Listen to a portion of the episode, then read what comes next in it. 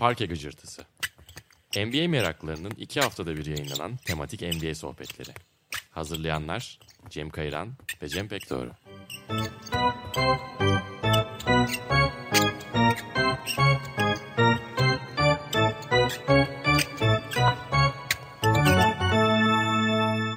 Herkese merhabalar. Parke Gıcırtısı'na hoş geldiniz. Ben Cem Kayıran. Cem Pekdoğru ile birlikte bu hafta Mithat Fabian Sözmen'i ağırlıyoruz. Hoş geldin Mithat. Hoş bulduk, merhabalar. Mithat'ın sesini uzun bir süre sonra ve belli mesafeler aramıza girmesine rağmen sıcak bir ortamda duyuyorum. Bugün Mersin'e bağlandık. Yine aslında stüdyomuzda konuk edemeyeceğimiz birini Evrensel Gazetesi'nin yazarlarından, daha öncesinde kıdemli editörlerinden Mithat Fabian Sözmen'i ağırlıyoruz. Evet yani Mersin'de havalar sıcak mı sorusu gelecektir büyük ihtimalle. E, hava sıcak ama İstanbul'daki kadar değil. Onu söyleyeyim. Burada zor şartlardayız ya gerçekten. Zaten benim beynim üzerinde öyle bir etkisi oldu ki üçüncü kez giriş yaptık bu programa az önce. Böyle bir bilgi verelim dinleyicilerimize. Bugün programımızda aslında bu sene hani NBA'in korona virüsüyle salgınla birlikte yarıda kalmasının ardından birinci gündem maddesi haline de gelen ırkçılık ve George Floyd'un öldürülmesinin ardından e, yaşanan protestolarda NBA oyuncularının, koçların, GM'lerin de seslerini yükselterek yer almalarıyla birlikte birazcık NBA'deki aktivizmin bugününe, geçmişine bakalım istedik ve yaklaşan bu tuhaf sezonun devamının, bu Orlando'da devam edecek sezonun bu olaylar ışığında nasıl gerçekleşeceğine, neler yaşanacağına birazcık kafa yoralım istedik. Ben Mithat'a pas atmadan önce ufak bir dergi reklamı da araya sokayım. Ee, Temmuz sayısı çıktı Sokrates'in. 64. sayısı ve orada da yine George Floyd'un öldürülmesinin ardından Mayıs sonuyla birlikte Amerika'da değişen siyasi iklimin spor alanına, spor sahalarına yansımalarıyla ilgili yaklaşık 10 sayfalık bir dosya var. Burak Tekin'in ve Dahan Irak'ın yazıları var. E biz de hem aslında bugün nasıl bir noktadayız? NBA'deki politik aktivizm ne noktada ve bizi nasıl bir yakın gelecek bekliyor sorusuna Mithat'la birlikte bakacağız. Hem de biraz Cem senin de dediğin gibi bu aktivizmin izini sürmeye, köklerini aramaya koyulacağız. 60'lara kadar döneceğiz. Siz 30 Temmuz öncesi şu an heyecanlı mısınız yoksa oyunculardaki güvensizlik ve her gün testlerle birlikte gelen ajanslara düşmeye başlayan tırnak içinde koronavirüs haberleri sizi de biraz tadınızı kaçırıyor mu? Ya da bu bubble ya da korunaklı alan fikri ne ne kadar baştaki kadar sıcak bakıyor musunuz? Yani benim için mesela böyle bir şey geçerli değil. Yani en baştan beri farklı sayıklarla Adam Silver'ın hareket ettiğini düşünüyordum ki diğer spor dallarında da nispeten gördüğümüz bir şey. Hani o yüzden çok büyük bir sürpriz olmamıştı ama sizin fikirlerinizi merak ediyorum. Ya benim için hani diğer ligler dahil yani NBA de onların içinde tüm bu süreç hiç doğal gelmiyor ve o yüzden hani bütün ilgimi aslında kaybetmiş durumdayım. Maçları izlediğimde de yani o bütün seyircisiz ortam vesaire çok ilgimi çekmiyor açıkçası ve hani oturup tamamını izleyebildiğim bir maç olmadı bu süreç başladığından beri. E bir de e, NBA özelinde konuşursak da lig aslında çok güzel devam ediyordu. Ee, çok hoşuma giden bir sezondu ve hani böylece kesilmiş olması tabii ki kesilmesi gerekiyordu. Ama hani şu anda vardığımız aşama ve tüm bu bubble hikayesi filan yani bir yandan e, oyuncuları anlıyorum, oynamak isteyenleri de anlıyorum. E, ama e, oynamak istemeyenlerin argümanları biraz daha mantıklı geliyor. NBA'de tabii ki diğer liglerin de temel kaygısı buradaki de, devasa ekonomik çarkı sürdürmek istiyorlar. Ve hani e, bugünkü vardığımız aşama bu bubble hikayesi de onun e, şeyi ama ya oyuncuların çok ciddi endişeleri olduğunu da her gün duyuyoruz. ve tabii yani bir de bir yandan da bu protestolar hikayesi var aynı zamanda devam eden. ve oraya da birazdan Hı-hı. değiniriz. Ben de aslında karışık hisler içerisindeyim en baştan beri hani bu fikre karşı. Çok özledim bir yandan her gece maç izlemeyi ama benim de çok ciddi soru işaretlerim var. Yani hem sağlık açısından hem de şu anki içinde bulunan bu politik aktivizm rüzgarından da kaynaklı olarak aslında. Fakat fikstür açıklandığından sonra birazcık hislerim değişti açıkçası. Yani her gece ve çok fazla ve çok iyi maçlar olabilir gibi bir tablo var ortada bir yandan da. Tabii ki hani oyuncuların bu arayı nasıl geçirdiği, nasıl dönecekleri, takımların nasıl kadrolarla geleceği vesaire hani bunlar çok başka bir konu. Ama yine de hani dediğin gibi Mithat senin hani inanılmaz bir sezon oluyordu gerçekten. Hani çok keyifliydi her şeyi izlemesi, takip etmesi. Şimdi neyle karşılaşacağımıza dair hani hiçbir fikrim yok. Hani nasıl bir atmosfer olacak, bir takım uygulamalarla uzaktan kontrol edilecek o gün fikstürde ev sahibi olan takımın tezahüratlarının onların renklerinin salonda hakim olacağı maç ortamlarıyla hani çok garip olacak gerçekten. Ama hani tüm bunları bir kenara bırakırsak aslında hani şu an demin de bahsettiğimiz gibi oynamak istemeyen büyük bir grup oyuncunun aslında söylediği şeylere biraz kulak vermek, biraz irdelemek gerekiyor kesinlikle. Tabii sağlıkla ilgili çekinceler ön plana çıkıyor şu aşamada. İşte hem seçilen alanın e, Orlando'nun ya da Florida'nın e, seçildiği güne göre tablonun daha kötüye gitmesi aslında ölüm sayılarının eksponansiyel olarak artmaya devam ediyor olması ve hani o kağıt üzerinde mantıklı gözüken o korunaklı bölgenin ne kadar korunaklı olduğu üzerine çok fazla tartışma okuyoruz. İşte Everbread Learning evindeki hasta çocuğunu öne sürerek yine sağlıkla ilgili bir gerekçe öne sürerek Orlando'da yer almayacağını söyledi. Ama işin aslında yine Avery Bradley'nin de bağlandığı bir politik iklimden uzak bırakılma çekincesi de var. Yani şu anda biz o korunaklı alana gideceğiz. E tabii ki sosyal medya gibi bir şey sayesinde bütün NBA yıldızları hala kitleleri mobilize edebilecek güce sahip. Ama yine de önemli bir şey oluyor ve biz sokaklarda nasıl Mayıs ayının sonunda Haziran ayının başında yaptıysak yine gerçek anlamda bir aktivizm göstermeliyiz diyen çok fazla yıldız da oldu. İşte Kyrie Irving ve Avery Bradley'nin başına çektiği bir oyuncu grubu da bir kolektif de bir manifesto yayınladı neredeyse ve neden Orlando'da olmayacaklarını şu anda neden daha önemli bir noktasında tarihin olduğumuz ve bu kırılma noktasında basketbolun neden ikinci planda olması gerektiğini açıkladılar.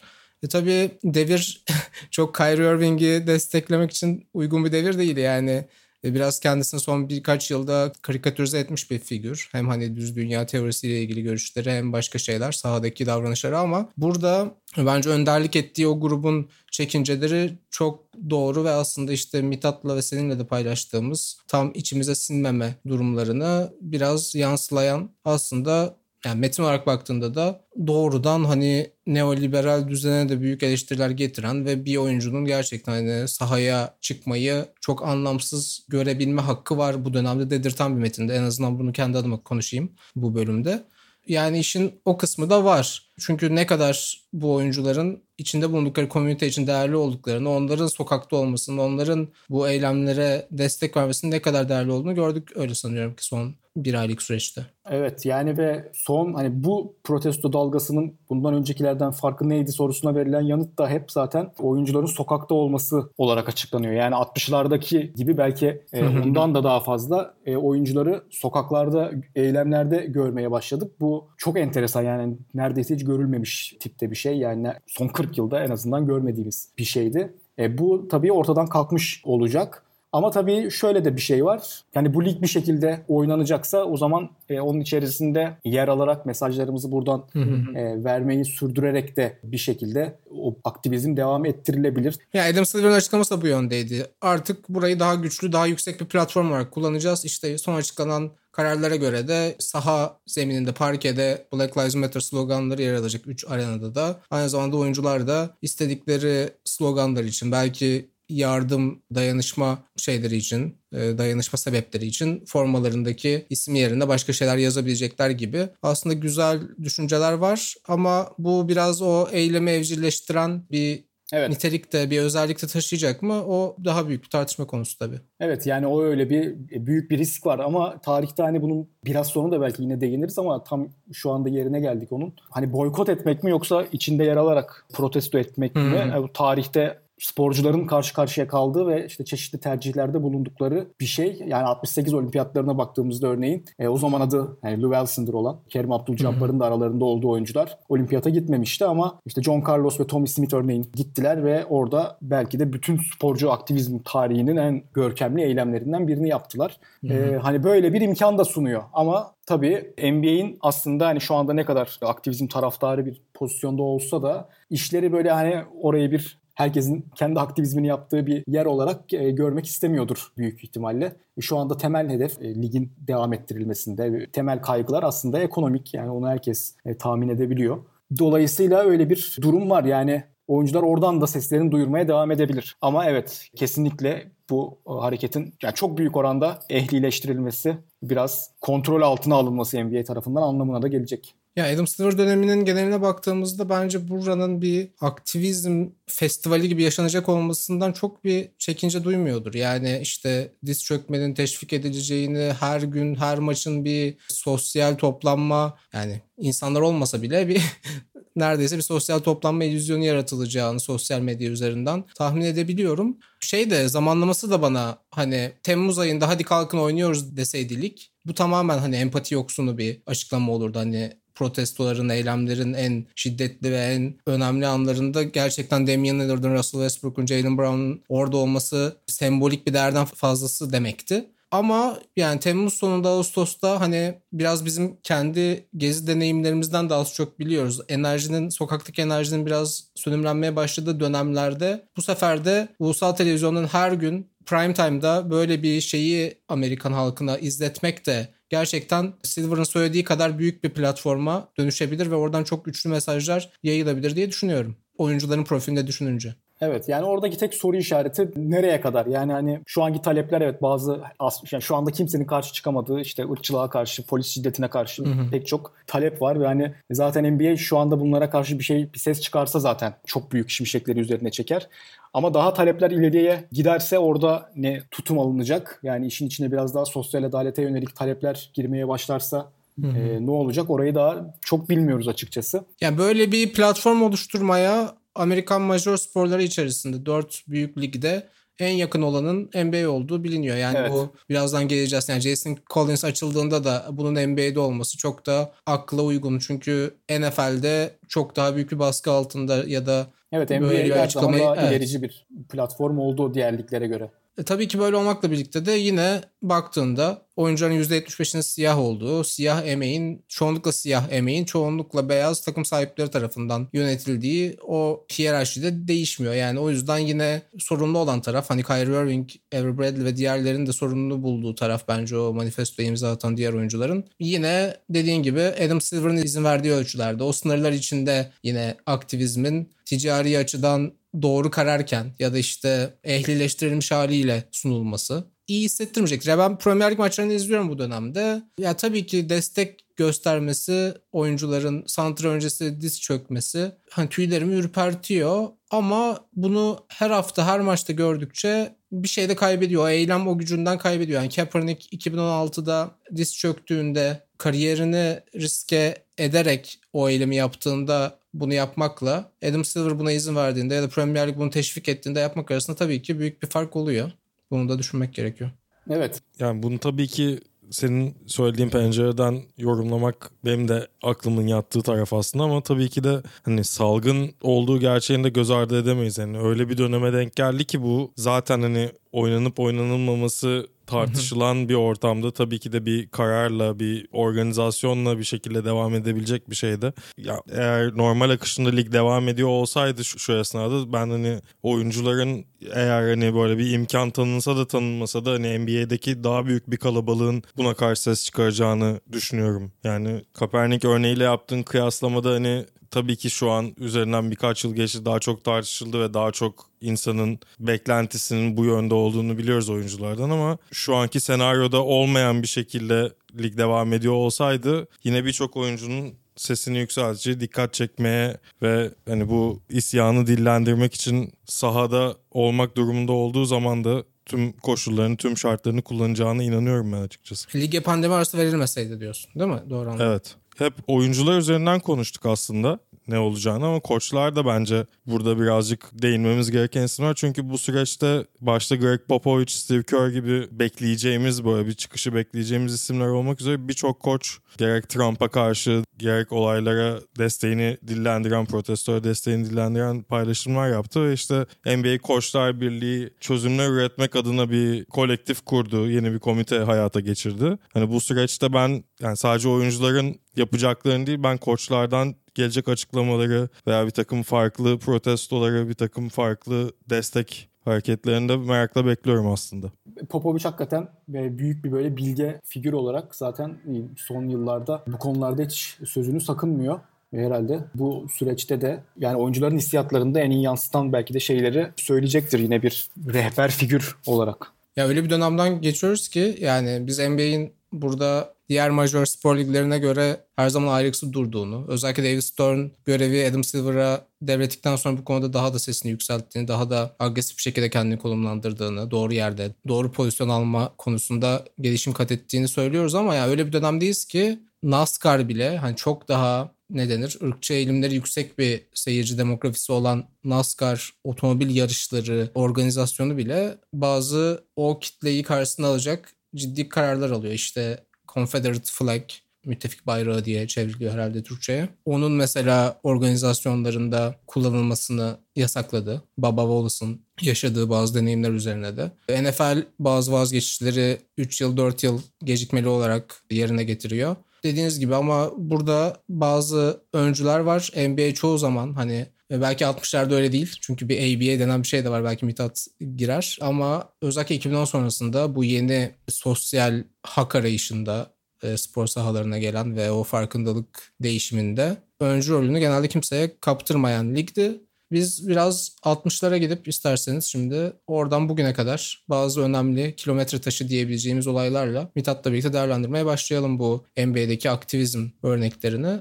Galiba miladı sen 1964 All-Star boykotuna mı koyuyordun Mithat yoksa öncesinde e, ya milat demeyelim ama hani çok önemli bir an NBA tarihinde ama tabii onu mümkün kılan şey Oyuncular Sendikası. E, onun kuruluşu da 1954. E, dolayısıyla hani bir illa bir milat gibi bir şey belirleyeceksek o nokta daha doğru olabilir. Çünkü yani Amerika'nın o dönemki durumunu düşünürsek McCarthy dönemi ve yani işte sendika bir oyuncular birliği hani böyle tartışmalar direkt sistem gözünde sizi olumsuz bir e, yere koyulmanızı sağlayabilecek bir şey ve Öyle bir dönemde hani işte Bob Cousy'nin önderliğinde sendikanın kurulmuş olması aslında çok önemli bir adım ve tabii ki oyuncular da daha hani nasıl hareket edeceklerini çok bilmiyorlar ama biraz koşullar da hakikaten çok kötü. Yani e, oyuncuların aldıkları paradan tabii ki toplumun geri kalanına göre daha iyi durumdalar ama öyle kesinlikle hani bugünle kıyaslanamaz. E, onun dışında çok büyük aslında e, hak ihlalleri var ve zaten hani işte Kuzi de e, biraz şey diyor yani çalışma koşullarımızı insanileştirmek için yani bu sendika fikri aklıma geldi diyor.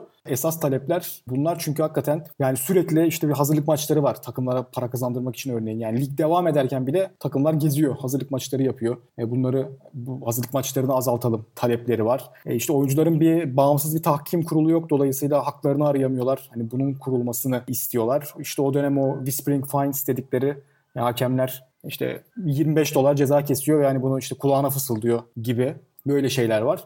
E, dolayısıyla hani daha çok hani biz abi insanca çalışalım. Yani oyuncuların temel şeyi bu ve bunun için sendika kuruluyor. İşte aynı zamanda yemek paraları yani 5 dolar alıyorlarmış. 7 dolara çıkınca örneğin şey diyor Cousy kahraman gibi karşılandım diyor takım arkadaşlarım arasında.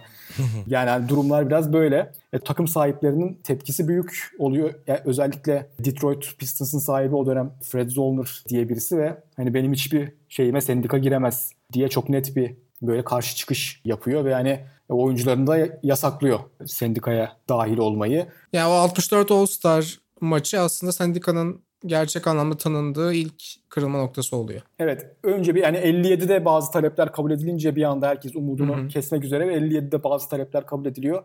E, sendika çok güçlü bir hale geliyor. Ve yani işte bütün oyuncular tabii ki üye vesaire. Ve 64 2014'teki e, e, All Star maçında da boykot girişimi aslında oyuncuların güçlerini en e, güçlü şekilde takım sahiplerini duyurduğu bir an oluyor. Çünkü zaten All Star'lar oyuncuların yani tek bir araya gelebildikleri vakit oluyor. Çünkü hani o dönem o kadar çok seyahat etmek mümkün değil ve hani tek birleşme anları All Star'lar. Aynı zamanda da ulusal televizyonda gerçekten hani iyi reyting alan tek evet. gün gibi bir şey. Yani şimdikinden, şimdi de öyle belki ama belki NBA finallerinden bile büyük bir vitrin. Ki Boston'da yapılıyor. Evet ve NBA'in de o dönem en önemli derdi televizyon anlaşmaları yapabilmek. Çünkü hani bugünkü hmm. kadar büyük bir televizyon pazarı yok ve hani bu All Star haftasında bize iyi bir hani şov olursa televizyonlarda maçlar yayınlanabilir ve böylece büyük gelirler elde edebiliriz diye umuyorlar. Oyuncular da tabii bunu bir şey olarak kendi ellerini güçlendiren bir şey olarak kullanıyor ve aralarında işte emeklilik talebinin de olduğu pek çok taleple hı hı. takım sahiplerinin karşısına çıkıyorlar ve hani kabul etmezseniz e, All Star maçına çıkmayacağız uyarısını yapıyorlar. Şu da önemli değil mi Mithat? Yani yine Bob Cousy gibi bu dönemde de Boston'ın beyaz bir oyuncusu Tommy Heinsohn oyuncular birliğinin başında ama özellikle bu boykot kararında ligin o dönemki siyah yıldızları Oscar Robertson, Elgin Baylor ve tabii ki Bill Russell'ın çok büyük bir yani asıl masaya yumruğunu vuranlar ve bu davadan vazgeçmeyen e, hava atışına kadar e, o siyah yıldızlar oluyor gibi. Evet ve o siyah yıldızlar olmasaydı da hiçbir şey olmazdı diye yani herkes bunu söylüyor. Yani işte Jerry West de işte o, o dönem hani kesinlikle onların başarısıdır. Özellikle de Oscar Robertson'a tabii burada çok şey yapıyorlar. Çünkü en kararlı şekilde oyuncuların arkasında duran ve hani bu işi devam ettiren kişi Oscar Robertson oluyor. Ya çünkü hani Bill Russell da tabii çok önemli bir e, aktivist ama yani biraz böyle daha şey hani res çekip gidebiliyor falan. Oscar Robertson herkesi biraz daha uzlaştıran bir isim oluyor. Aynı zamanda da sözünü sakınmadan ilerleyebiliyor. Ben şeyi okumuştum ya. Bu 20 oyuncudan bir oylama yapılıyor. Yani 11'e 9 gibi aslında hani Oscar Robertson ve Bill Russell'ın destekçileri aslında çok da fazla büyük bir farklı değil ama hani oy birliği yakalanıyor. Will Chamberlain'ın aslında hani çıkalım oynayalım kafasında olduğunu okumuştum o zamanlarda da. Zaten hani hep bu olayda hep bahsettiğimiz 3 oyuncunun üzerine anlatılır. Hani Elgin Baylor, Oscar Robertson ve Bill Russell. Ama orada da sanki bir All-Star oyuncuları arasında 20 kişilik oyuncu havuzu arasında bir oylama yapılmış diye. Tam bir oy birliği sağlanamamış o zaman aslında. Bir tamamıyla evet. hatta ortadan bölündüğünü söyleyebiliriz. Will Chamberlain'ın bu apolitik yaklaşımıyla ilgili galiba Cem Kayıra'nın gün yüzüne çıkarmasını beklediği insanların bir parke gıcırtısı kaydında ben bahsetmiştim. Özellikle 68'de Martin Luther King suikastı sonrası ki oraya da geleceğiz. Derin bir sessizliğe bürünmesi ve Bill Russell'ın Karim Abdul-Jabbar'ın yanında saf tutmaması konusuyla Wilt maalesef hani genel olarak sevdiğimiz güzel bir abimizdir ama bu konularda da siyah komüniteye karşı hani bir sorumluluk hissetmemesi gerçekten üzücü olmuş diyebiliriz tarihe baktığımızda. E, Oscar Robertson'dan bahsettik Mithat. Bir sonraki kırılma noktamızın da doğrudan kahraman diyebiliriz herhalde. O davadan da biraz sen bahsetmek ister misin? Sen konuya çok daha hakimsin bana göre. Evet dava aslında hani bugünkü NBA'yi şekillendiren dava. Çünkü oyuncuların yani free agency yani bugün öyle adlandırılan yani oyuncuların o dönem aslında draft edildikten sonra bir hakları yok yani hani kulüp sahipleri ya da hani köle sahipleri gibi de öyle de adlandırıyorlar oyuncular. Hı hı. Ya onlar bırakmadıkça oyuncular bir yere gidemiyor durumu var. Dolayısıyla hani o dönemki şartlar içerisinde bu çok önemli bir talep. Oscar Robertson da zaten işte 1970'e kadar hiçbir yere gidemiyor ve yani şampiyonluğu ancak e, Milwaukee'ye takas edildikten sonra elde edebiliyor. Lou Wilson'ın da olduğu kadroya ki onu takas eden de e, Bob Cousy o dönem koç. E, öyle bir enteresan bir durum oluyor. Ve dolayısıyla hani işte 1970'lere gelindiğinde aslında o 64 All-Star'ında bir oyuncular öne çıkıyor bazı talepler öne sürüyor. Bazıları kabul ediliyor, çoğu kabul edilmiyor ama hani mücadele bir şekilde devam ediyor ve 70'te de o dava açılıyor yani Oscar Robertson NBA'ye karşı adında. Yani çok afil zaten o Amerika'da öyle ya o dava isimleri. evet evet. Versus'lı. Evet. E, dava açılıyor ve tabii davanın ama bir sürü şeyi var. Hani ne denir ona? Plaintiff deniyor. Türkçesi şu an aklıma gelmedi. Yani hani pek çok oyuncu da yani ligin önemli oyuncuları da şeyin yanında sendikanın e, yanında ve Oscar Robertson'ın yanında onu destekleyecek e, tanıklıklar veriyorlar ve hani dolayısıyla aslında e, tabii ki tek başına değil yani çok ciddi bir destekle ilerliyor.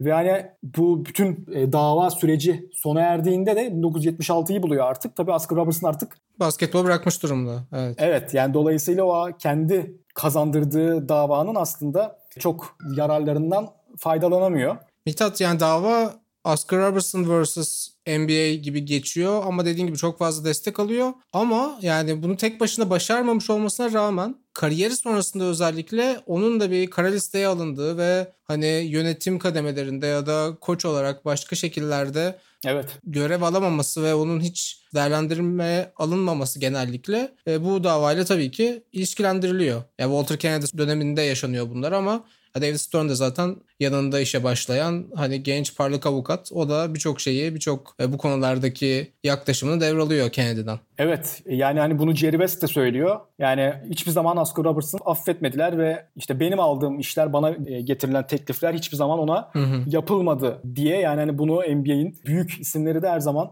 kabul ediyor ve söylüyorlar. Yani Oscar Robertson her zaman cezalandırıldı buradaki öncü tutumu nedeniyle. Belki de işte yani bundan sonraki kuşaklara böyle çok çıkıntılık yapmayın mesajı verdi şey. Hani e, NBA patronları diye konuşuluyor. Ama yani işte ne bileyim Bill Bradley'den e, Wes Unseld gibi yani John Havlicek falan yani o dönemin bütün önemli oyuncularının bu davada tanık olarak yer aldıklarını söyleyebiliriz. Yani bir tek e, Rick Barry çıkıntılık yapıyor ama o da ABA ile çok yani çok sıkıntılı bir süreç Doğru. yaşıyor. O da onun da aslında şeyi var, bahanesi var. Yani o bir an önce bu iş sonlansın da ben hani yeniden NBA'ye dönebileyim istiyor. Tabii oyuncuların davası şu açıdan önemli. NBA ile ABA'in birleşmesini engelliyorlar. Engel oluyor ilk olarak. 70'te onu engelliyor doğru. Evet yani önemli olan o çünkü o zaman oyuncuların bir şeyi oluyor. Elleri güçlü oluyor. Hani leverage durumları oluyor.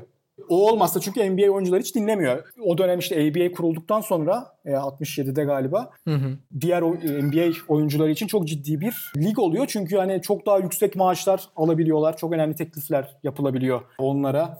E işte bu 4 sene kolej şeyini çekmek zorunda kalmıyorlar. Çünkü ABA'in kuralları esnetiyor o konuda ve hani bu da oyuncular için çok büyük bir rahatlık sağlıyor. Çünkü hani Bu arada NBA'de de o hak kazanımını sağlayan Spencer Haywood oluyor. Yine bir antitrust davası açarak. Ben 2-3 sene önce bir yazı okumuştum New York Times'da sanırım. Yani biz buna erken profesyonel olma hakkı falan diyoruz. İşte early entry diyoruz, one and done diyoruz ama ya bu aslında tıpkı Oscar Robertson'da olduğu gibi. Yani Oscar Robertson nasıl free agency'nin bugünkü anlamıyla kurallarını şekillendirmiş ve onun hak arayışı sayesinde bugün bu evet 8 ya da 9 figürlü rakamlarla anlaşma imzalayabiliyor süper yıldızlar.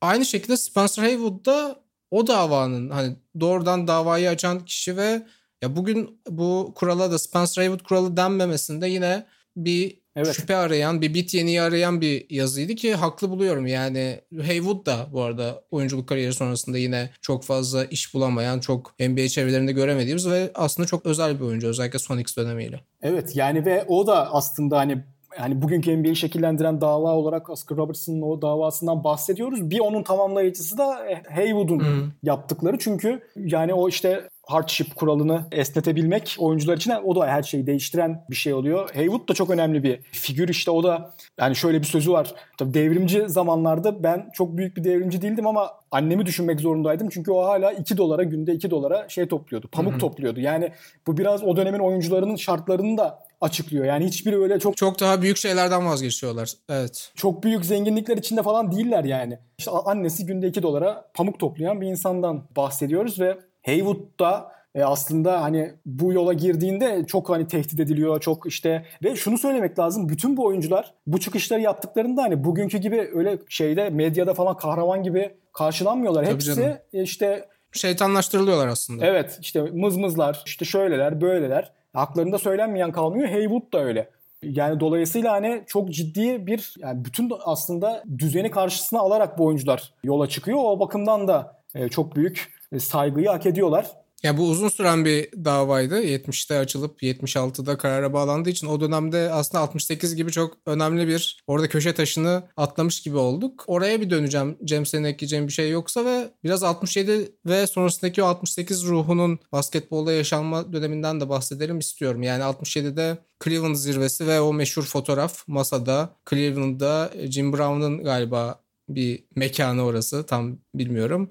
NFL yıldızı Jim Brown, NBA yıldızı Bill Russell ve o dönem büyük bir kolej yıldızı olan UCLA'de Lee Wilsoner adıyla anılan Karim Abdul-Jabbar ve arkalarında da aslında yine başka önemli spor figürleri Muhammed Ali'nin Vietnam'a gitmeme ve savaş karşıtlığı nedeniyle de bir dava sürecine girmeden önce orada Ali'ye destek verdiklerinde Ali de yani ne kadar büyük bir şampiyon olsa da yani birkaç yıl öncesinde müthiş bir pop kültürü ikonuyken siyahların bile yüz çevirdiği bir siyah büyük sporcuya dönüşüyor aslında ve e, o güne dair de çok fazla anlatılan şey var. Yani o gün oraya gelenlerin birçoğunun işte box promoter'ı adını unuttum şu anda Ali'nin promoter'ından bazı maddi vaatler aldığına dair de çok fazla şey çıktı. Yani o gün o fotoğrafta da gerçek anlamda bir birlik olmadığı, farklı ajandalar, farklı sayıklar olduğu yazıldı falan ama sonuçta çok sembolik değeri bakımından o fotoğrafı vermek bile çok büyük bir şeydi bence siyah atletlerin birliğini göstermesi açısından. 68 Meksiko City öncesindeydi dediğin gibi programın başında boykot ediyor muyuz etmiyor muyuz kararı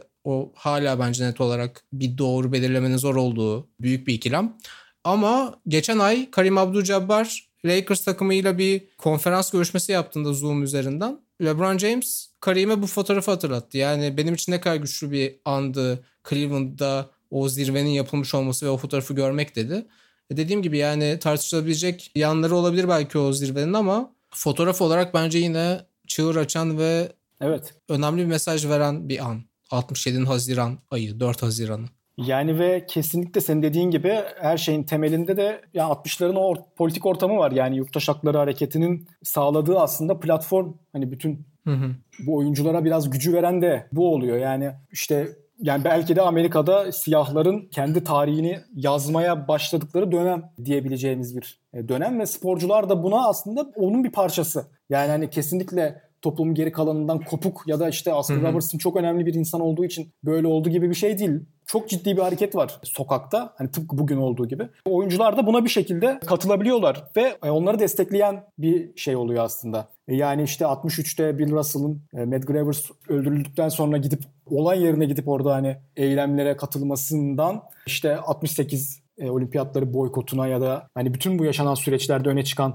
siyah yıldızlara baktığımızda hepsinin e, böyle durumları var. Bir de hani o günkü hani şartlar hani biraz hakikaten NBA takımları yani ne bileyim güney eyaletine eğer gidiyorlarsa orada gerçekten siyah oyunculara işte yemek verilmeyen otel odalarına alınmadıkları falan böyle bir Birçok NBA var. takımında beyaz oyuncuların beyaz oyuncular için belirlenmiş bir kota oldu. Yani sözsüz bir kural denemez artık. Hani bu bas bastı bağırılan bir şey. Yani e, gerçekten işte kolej basketbolunda da bunun tezahürleri var tabii. Texas Western takımının şampiyonluğu hangi yılda? 67 idi sanırım. Öyle bir şey evet. 5 siyahtan oluşan bir ilk 5 ile Kentucky'yi Evet. 5 beyazdan oluşan meşhur Kentucky takımını yendikten sonra hani smacın yasaklanmasına varan bir süreç başlıyor. Yani siyahlar bu kadar oyunu domine edememesin diye kolej basketbolu smaç yasaklanıyor. Ha, Böyle dönemlerde olduğumuzu da o perspektifle kaybetmemiz gerekiyor tabii. Yani takım sporlarında değil sadece bu. Ali'nin yaptığı sporda da bu böyle. Yani evet işte 60 olimpiyatları örneğin şey gidemiyor. Roma. Lenny Wilkins mesela Roma'ya gidemiyor çünkü e, zaten takımda da Jerry West var önemli bir gard olarak ve yeterli sayıda siyah var ve o yüzden Lenny Wilkins gidemiyor gibi. Siyah beyaz kotası çok ciddi şekilde var. Bill Russell galiba lige girdiğinde 15 falan yani toplam hani siyah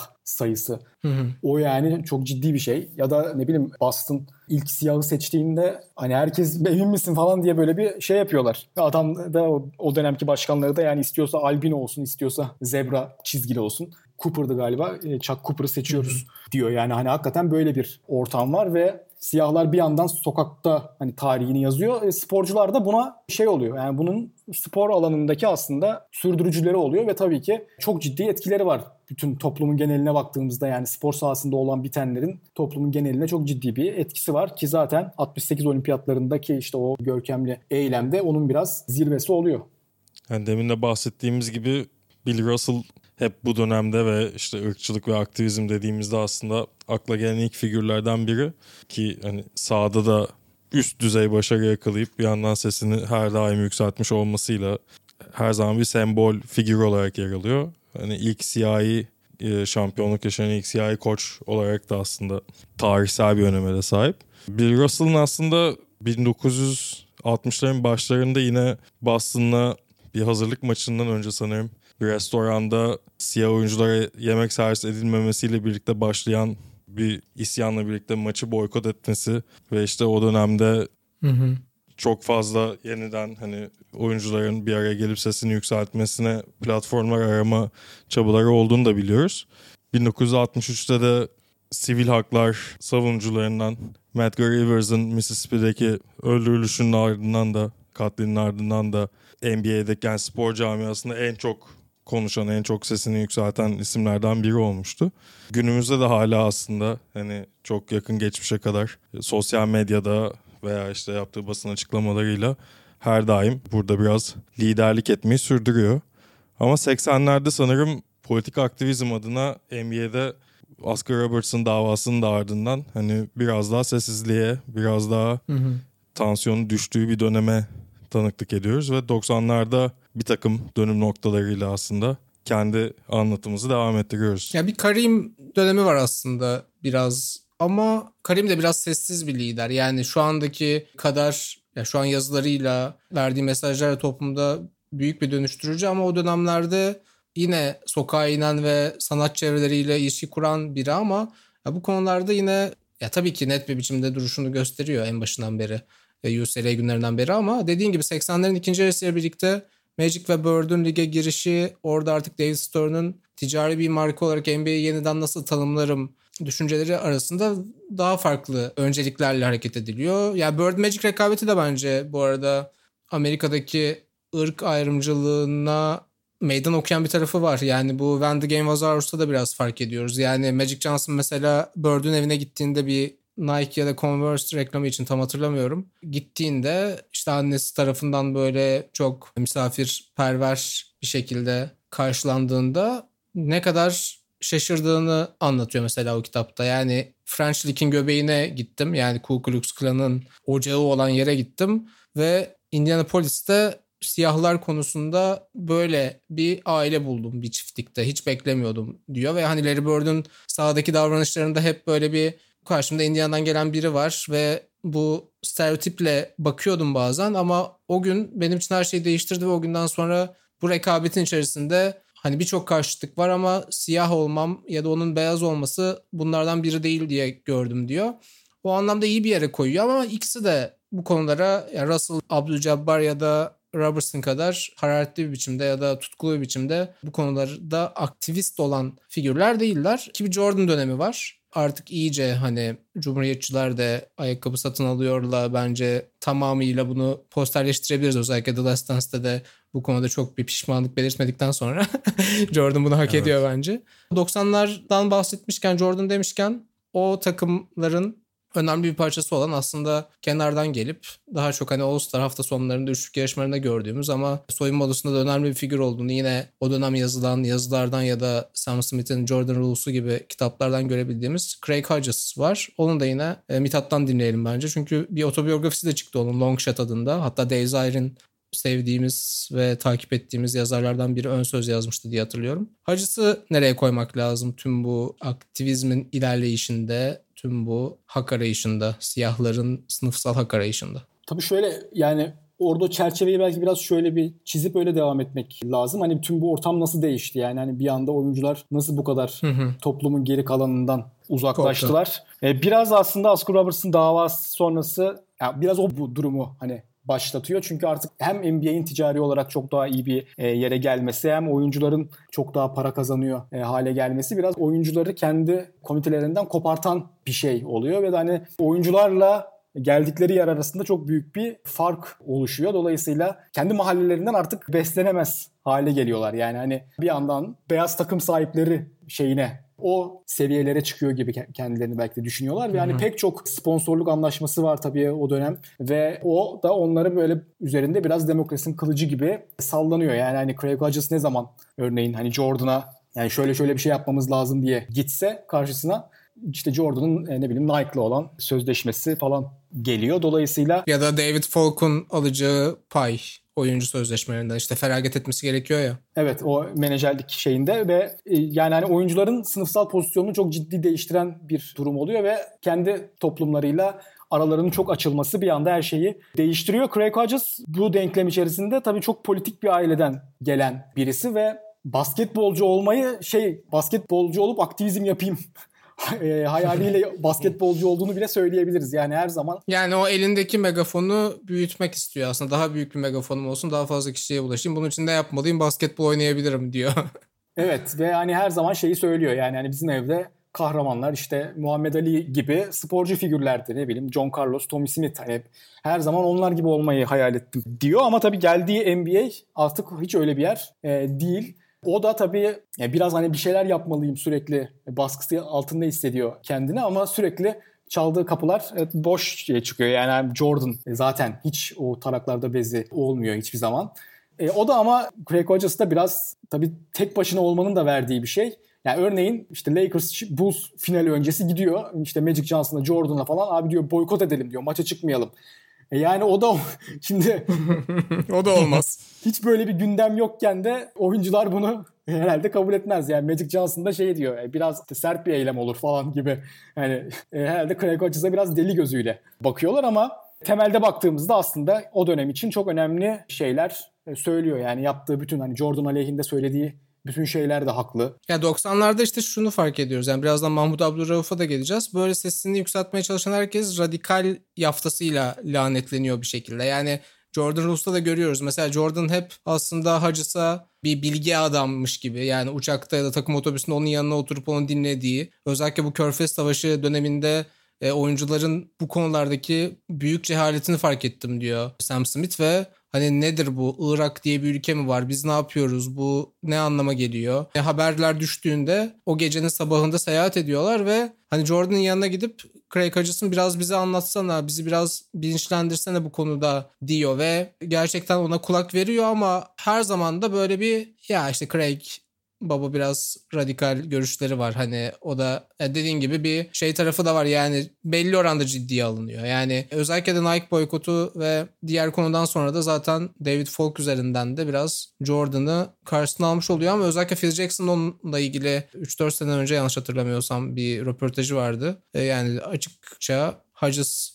ligde kolaylıkla iş bulabilirdi. Tabii ki yani tek yönlü bir oyuncuydu. Savunması kötüydü vesaire ama işte kaç takım varsa ligde 25 takım varsa 12 kişilik kadrolarından o 300 oyuncudan biri hacısı olurdu. Yönetimi ya da genel olarak o müesses nizamı karşılarına almak istemediler diyor.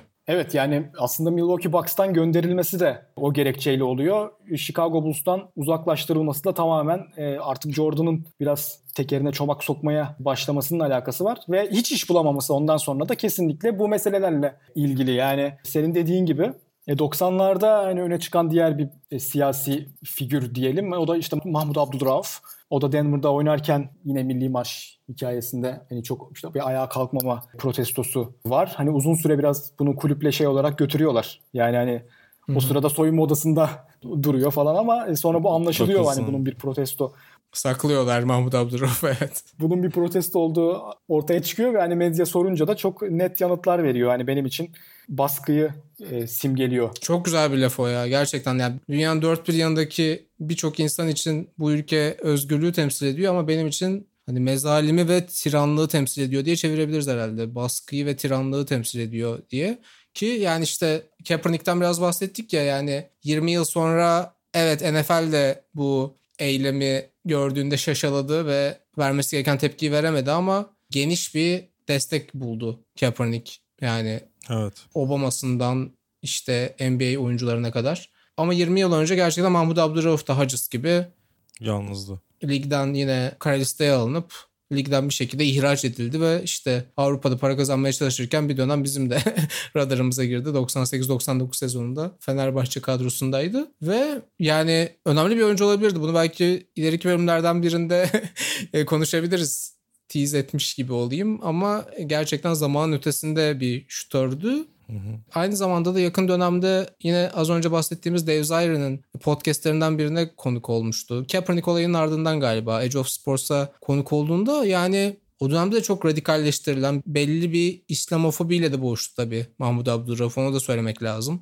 E yine Körfez Savaşı dönemi olduğunu düşünürseniz Körfez Savaşı'nın sonrasına denk geliyor ama yani yine o dönemde bir Müslüman siyah olarak ayakta durmak da çok kolay değildi.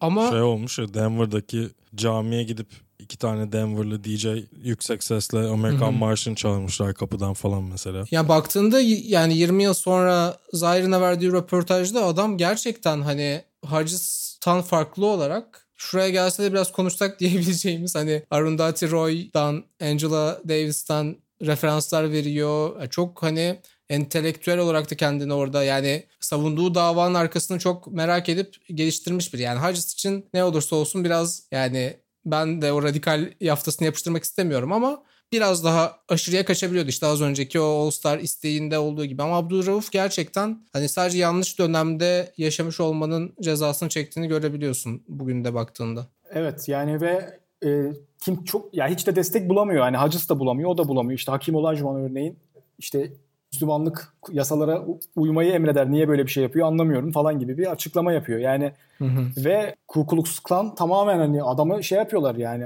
direkt hedef alıyorlar. Evini yakıyorlar falan şeyden sonra. Evet. Türkiye'ye gelip döndükten sonra oluyor. Yani çok ciddi tehdit hı hı. altında yaşıyor.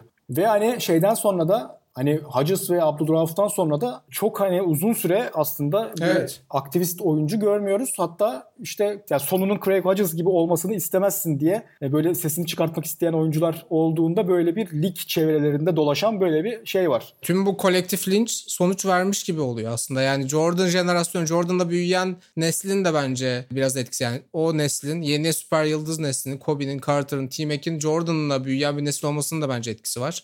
Biraz ondan aldıkları o bireyciliği, o bireysel mükemmeliyetin her şeyin üzerinde tutulduğu yaklaşımı biraz taklit ediyorlar. Bir 2003'te benim aklıma kendisini çok sevmezdim o yıllarda ama bu anlamda hep takdir etmişimdir. Steve Nash'in yine Irak Savaşı döneminde No War Shoot for Peace yazılı bir tişörtle yani savaş karşıtı bir tişörtle antrenmana gelmesi mesela bir haber olmuştu ki bu 10 yıl zamanını ileri sardığımızda olağan haline geldi özellikle üst üste gelen 2012'de Trayvon Martin'le başlatabileceğimiz öncesinde bir Tamir Rice cinayeti de var tabii. Sonrasında 2014 yazında Eric Garner'ın New York Polis tarafından öldürülmesi, Michael Brown'un Madison'da vurulması, I Can't Breathe şeklinde bunun sloganlaştırılması ve işte LeBron James başta olmak üzere birçok süper yıldızın bu davayı yine antrenmanlar sırasında bu konuya dikkat çekmesi ve seslerini fazlasıyla yükselttiği bir dönem geliyor. Yani aslında Mesela Ethan Thomas yine Dave Zairin'de çok fazla programlara çıkıyor. Ee, Washington Wizards'ın genelde rebound alan ve pis işleri yapan oyuncusu olarak bilirsiniz. Bir de o dönemler galiba haiku yazmasıyla biliniyordu ama çok da önemli bir aktivist. Tabii ki yani bir 9. 10. oyuncu olduğu için en iyi döneminde çok etki gücü hiçbir zaman yüksek değildi o kadar 2000'lerde ama ve bıraktıktan sonra özellikle bu konularda çok konuşuyor. Hatta bir kitap da yayımladı. Kitapta var. O mesela 2012'yi bir milat ya da yeni bir milat olarak görüyor. Sen Mithat çizgiyi nereye çekiyorsun? Ben işte çembersiz pota köşesini yazarken evrenselde sen de editörlüğümü yaparken bunu hissettiğimizi hatırlıyorum. Yani 2013-2014 dönemleriydi ve ben her hafta aslında bu konularda bir şeyler yazıyordum. Yani belli örnekler üzerinden işte Jason Collins'i yazıyordum, Royce White'i yazıyordum. Oradan bir akıl sağlığı konusunda bir farkındalık yaratılıyor ve NBA bunun için doğru bir alan olabilir diyordum. Onları hatırlıyorum. Senin için de 2010 sonrası işte biraz da bahsettik hani girizgah yaparken aslında sosyal medyanın işleri değiştirdiğini ve belki o 68 ruhunun bir benzeriyle sesini yükseltmeyenin biraz dışarı atıldığı o siyah komite tarafından ve ses çıkarmanın ciddi olarak teşvik edildiği bir dönemdeyiz. Değişti bazı paradigmalar ama sence yani LeBron James bu yeni miladın neresinde sosyal medya neresinde bugün yaşadığımız şeyi o son 10 yıldaki gelişmelerle bir özetlemeye çalışalım diyorum kapanıştan hemen önce. Evet. Ee, ya ben de 2009'da yazmaya başladım Evrensel'de. Hep hani sporun toplumsal meseleleri duyurmada nasıl bir işlevi olabilir? Hep bu meselelere kafa yoruyorduk. Ee, bunlara dair yazmaya çalışıyorduk ve hani öyle bir çağ başladı ki aslında tam olarak hani bu, bu konuda yapılan bütün yorumları aslında haklı olduğunu gösteren bir şey oldu. Çünkü çok ciddi rol oynamaya başladı sporcular. Yani bir anda hani bu iş bitti artık işte Jordan kuşağı denirken sporun yeniden 60'lardaki gibi sporun ve sporcuların 60'lardaki gibi bu platformu spor platformunu çok güçlü şekilde kullanmaya başladıklarını gördük. E, Bence burada sosyal medyanın çok ciddi bir etkisi oldu. Çünkü yani 90'larda da sokaklarda sonuçta protestolar devam ediyordu. Yani 92'de işte Los Angeles isyanı vardı. Ama işte Craig Hodges'tan başka kimse çok sesini çıkartmıyordu. Ya da yani devamında pek çok şey oldu ama yani o 2010'larla birlikte sosyal medyanın etkisi hani az önce o bahsettiğimiz oyuncuların 80'ler sonrası kazanılan paranın statünün çok değişmesiyle elde ettikleri o kendi komünitelerinden uzaklaşma hallerini biraz ya o komüniteyi biraz delmeye başladı e, sosyal medya. Yani bir baskı unsuru oluşturmaya başladı. Sokakta bunlar oluyor ve sizler de susamazsınız. Yani çünkü siz de buralardan geliyorsunuz. Sporcular çok daha ciddi bir şekilde bence hissetmeye başladılar. Ve tabii ki LeBron James gibi figürlerin işte o Trayvon Martin olayıyla birlikte direksiyona geçmeleri o kalibrede bir oyuncu, o statüde bir oyuncu eylemlerin başına geçince diğerleri de çok arkada duramıyor. Yani daha alt figür bir isim olsaydı belki böyle olmazdı bu işler ama LeBron James de tabii ki arkadaşları o kuşak bu işi çok isabetli bir şekilde yürüttüler ve NBA'de yani senin dediğin gibi bence de öyle bir yeni dönem başlamış oldu ama e, hani bütün bunlar bir araya geldi gibi görüyorum ben. Yani hem e, sokakta çok ciddi bir hareket var hem de sosyal medya gibi de bir denklemi değiştiren bir unsur da var. Tabii LeBron James kuşağı dediğin gibi yani 2003 draftının mesela diğer önemli seçimleri Dwayne Wade ve Carmelo Anthony için de bu söylenebilir. Senin Carmelo ile ilgili bir notun vardı galiba Cem.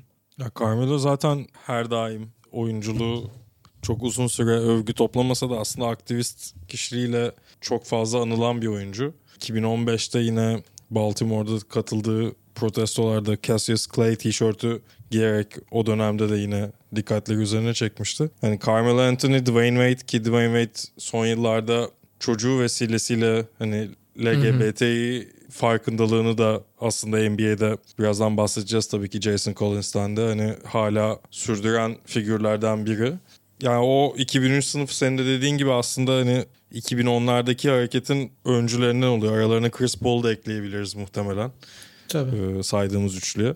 Ama 2010'lar dediğiniz gibi LeBron kuşağı olarak anmamız çok normal. Çünkü hem sahada tüm spot ışıklarının altındaki isim hem de hiçbir şekilde elindeki tüm kanallardan elinden geleni yapmayı vazgeçmeden sürdüren bir isim. Hani bunu işte sonraki yıllarda Cleveland'daki okul projesi, farklı işte yapım şirketi kurup filmler, belgeseller vesaire üretmesiyle de aslında hani sahanın dışında da biraz daha böyle bir sembol bir figür haline aldı tabii ki. Ve şeyi de fark ediyoruz bence. Az önce dedim ya Jordan kuşağı yani Jordan'la büyüyen yeni süper yıldızlar 90'ların sonunda 2000'lerin başında bayrağı devraldıklarında politik bir angajman göstermediler. Buna gerek duymadılar. Ben kendi markamı yaratacağım dediler. İşte o beyaz takım sahipleri gibi konuya yaklaştılar ve bir brand management yaptılar tırnak içinde. Şimdi LeBron'la büyüyen, onu izleyerek büyüyenlerin yaklaşımdaki farkı da görüyoruz bence. Yani tabii ki toplum da bir yere gidiyor ama e, orada ben de yani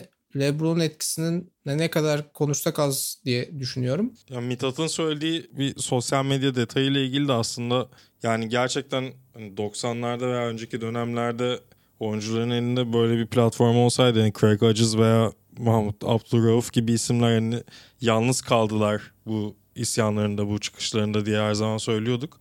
Jamal Crawford'ın bir röportajı vardı. Hani lige ilk girdiğim zaman hep böyle eğer basın mensupları seninle konuşmak isterse, seninle röportaj yapmak isterse düşüncelerini insanlara iletebileceğim bir ortamın oluyordu.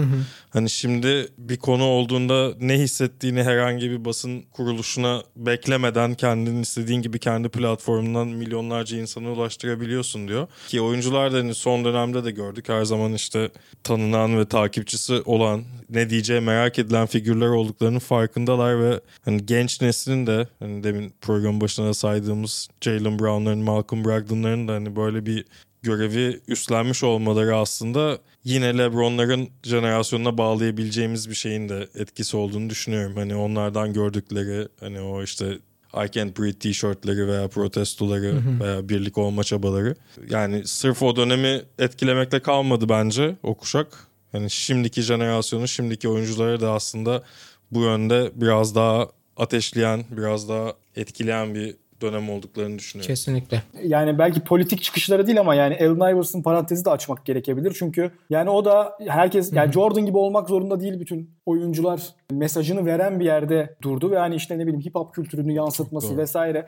Sistemle kavga etmekten geri çekinmedi yani. Dress code bile biraz Iverson'ı hizaya getirmek için icat edilmiş bir şeydi düşününce. Evet yani o da belki politik bir direkt politik bir tutum değildi ama e, önemli olduğunu düşünüyorum. Kesinlikle. Ya bu bağlamda aslında geçen bölümde konuştuğumuz Carter'ın da yani o smaçlarıyla da bir devrim ateşi yakmış, bir devrim ateşinin fitilini yakmış olabilir elbette. O açıdan bakılabilir ama dediğin gibi aktivizmin bin bir türlü hali var. Iverson da kesinlikle o anlamda düşünürsek önemli bir aktivist. Ve az önce Dwayne Wade'den bahsederken bir LGBT değinisi yapmıştı Cem. Tabii yani Nisan 2013 Jason Collins yine biraz değinmiştik galiba ona da. Onun cinsel kimliğini açıklaması o Sports Illustrated'da yazdığı mektup da çok çevreyi değiştiren ve her şeyi değiştiren işte Martina Navratilovan'ın deyimiyle bir açıklamaydı ve bunun da NBA'de olmasının ne kadar yerinde olduğu ya da ne kadar kulağa mantıklı geldiği söyleniyordu o dönemlerde. Bu anlamda yani LGBT dayanışması anlamında yine ligi ayrı bir yere koyan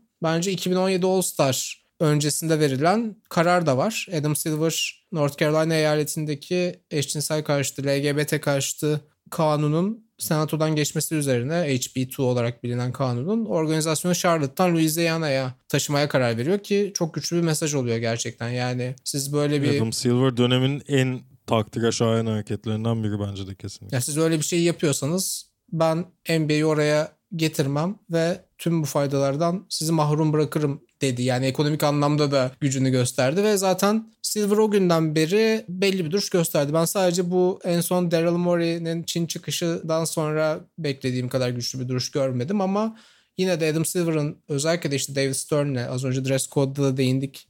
yani David Stern'ın övülecek tarafları da vardı belki ama maalesef adalet, eşitlik bunlardan biri olmadı. Oradan sonra devralması da belli bir kontrast yaratıyor. Tüm bunları düşününce gerçekten işte 30 Temmuz'a Orlando'daki hava atışına biraz daha güvenli gidiyorsun. Yani bu kararları Adam Silver aldı en azından diyorsun. Ama başlangıçta koyduğumuz şehri de kendi adıma ben koruyorum. O zaman yavaş yavaş toparlayabiliriz gibi geliyor. Bugün Mithat'ı tanımamın da avantajıyla biraz moderasyonu Cem'den devraldım gibi oldu ama sürenin de çok da başarılı olmamışım ki sürenin bir saati geçtiğini fark ediyorum. Çok teşekkür ederiz Mithat. E ben çok teşekkür Eklemek ederim. istediğim şey varsa Ya hani söylenecek çok şey var tabii yani ama bence yeterli oldu yani. Pek çok şeye değinebildik. Ama yani şurası kesin. Ya sporcu aktivizm bakımından da çok tarihi bir dönemde yaşıyoruz ve hani kesinlikle. e, keşke olsa dediğimiz pek çok şey oluyor. Yani hani Türkiye'de mesela bizim sporcular keşke hani böyle çıkışlar yapabilse diye kaç kere demişimdir ama yani maalesef biz onun çok çok e, uzağındayız. Ne yazık ki.